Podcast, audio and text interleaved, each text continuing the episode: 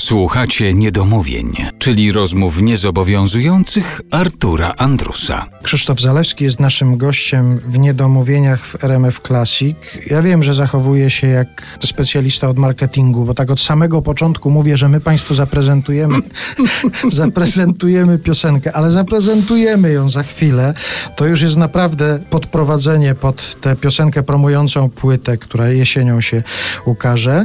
Tylko zastanawiam się, gdzie pan był, w jakich okolicznościach pan słuchał radiowej premiery tej piosenki? Bo ona się odbyła w nocy, była po północy. Tak, tak, tak, tak. No byłem w, w wytwórni swojej, w Kajaksie, bo ona mieści się blisko, blisko mojego domu i stamtąd łączyliśmy się ze, ze studiem RMF-u. No i w tych okolicznościach cała akcja była promocyjna. Ja miałem budzić któregoś ze słuchaczy, mhm. więc sprytnie wymyślona akcja była. Zgłaszali się różni ludzie, odpowiadając na pytanie, dlaczego chcieliby, żebym, żebym ich obudził i i tutaj żona załatwiła mężowi, że dziecko już poszło spać, on grzecznie w końcu udało mu się zasnąć, a tu bardzo proszę o 12 pyk. Ona go budzi, filmuje to wszystko telefonem i, i ja mu z gitarą śpiewam akustyczną wersję tejże piosenki. Na szczęście wszystko skończyło się dobrze, bo ja cały czas miałem dosyć poważne obawy, że, że jednak budzenie zmęczonego mężczyzny o, o godzinie 12 w nocy, który jak wiedziałem z historii przedstawionej przez tą panią jest posiadaczem małego potomka, który często nie daje mu spać, mogło się skończyć źle, ale na szczęście przyjął to wszystko z uśmiechem. No, budzenie zmęczonej kobiety jeszcze gorzej by się mogło skończyć, ale to odłóżmy sobie te okoliczności, ale ciekaw jestem, co się dzieje dalej. Jak już ta piosenka pójdzie w świat, ludzie ją usłyszą, od razu sprawa Sprawdza pan na przykład, jaka jest reakcja? Czyta pan komentarze, y, jakie się pojawiają na temat piosenki? No przez parę dni tak robię, bo trudno się powstrzymać, więc, więc przez kilka dni to robię, a potem już nie. No potem ćwiczymy tę piosenkę na, na próbach, żeby nauczyć się dobrze wykonywać ją na, na koncertach. I to tyle. W zasadzie jak już płyta wyjdzie i, i, pierwszy ten moment promowania jej y, się odbędzie, to nie zdarza mi się, żeby wracać do swoich płyt i ich słuchać. A jest jakiś sygnał taki, kiedy człowiek wie, że no jest dobrze, że ta piosenka trafiła do ludzi. Ja wiem, że można się powoływać na statystyki, ile osób obejrzało, ale czy pan ma jakiś taki swój sygnał, że pan wie, że dotarło do tych, do których powinno dotrzeć i że zareagowali tak, jak sobie to wyobrażałem?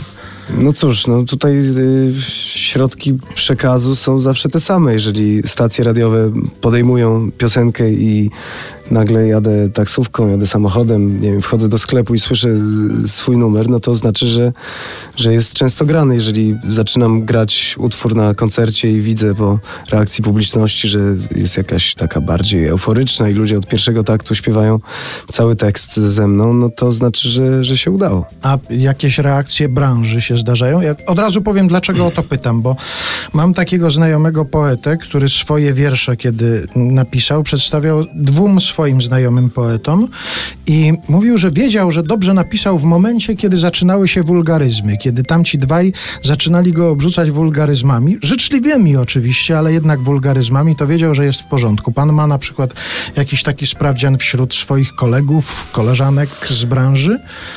No ja często moje teksty, kiedy je piszę, wysyłam do sprawdzenia mojemu przyjacielowi, o którym już wspominałem, Michałowi Wirażce, który zajmuje się pisaniem tekstów. Powiedziałbym o nim, że jest poetą, albo przynajmniej zdarza się mu być.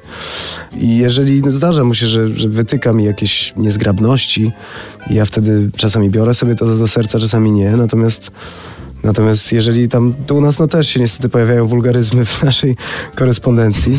Może to znak czasów, że język ewoluuje po prostu. Natomiast... Ale nie, to, to wie pan, sympatyczny wulgaryzm pomiędzy dwoma twórcami tylko podkreśla chyba ich szacunek dla siebie nawzajem albo wsparcie w tej twórczości. Także jeżeli one są tak, twórcze, no, te wulgaryzmy... Wysłałem mu jeden numer na przykład i pominę wulgaryzmy, ale mi odpisał, że wkręca moment, słucha się tego jak starego wagla. No to sobie pomyślałem, że chyba, chyba się udało. No, jeżeli... To jeszcze nie jest wulgaryzm, stary wagiel. Nie, nie, to jeszcze nie. Wulgaryzm jak został pominięty.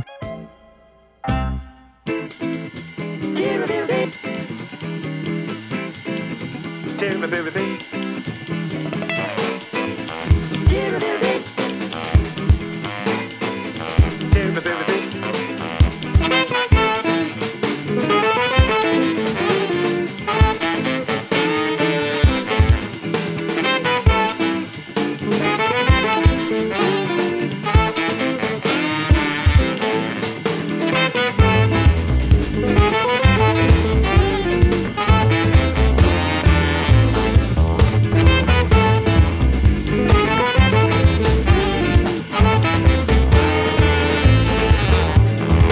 Siedzimy sami i popijamy wino.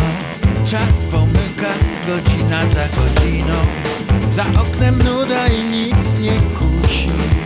Nic się nie dzieje, bo dziać się nie musi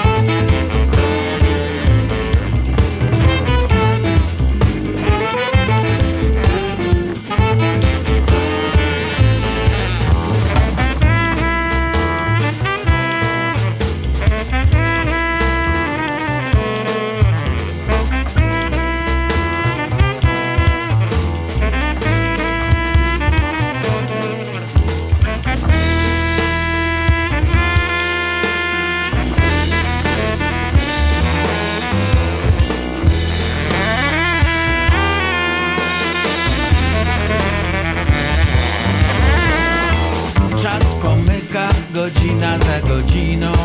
Siedzimy sami i popijamy wino. Za oknem nuda i nic nie kusi. Nic się nie dzieje, bo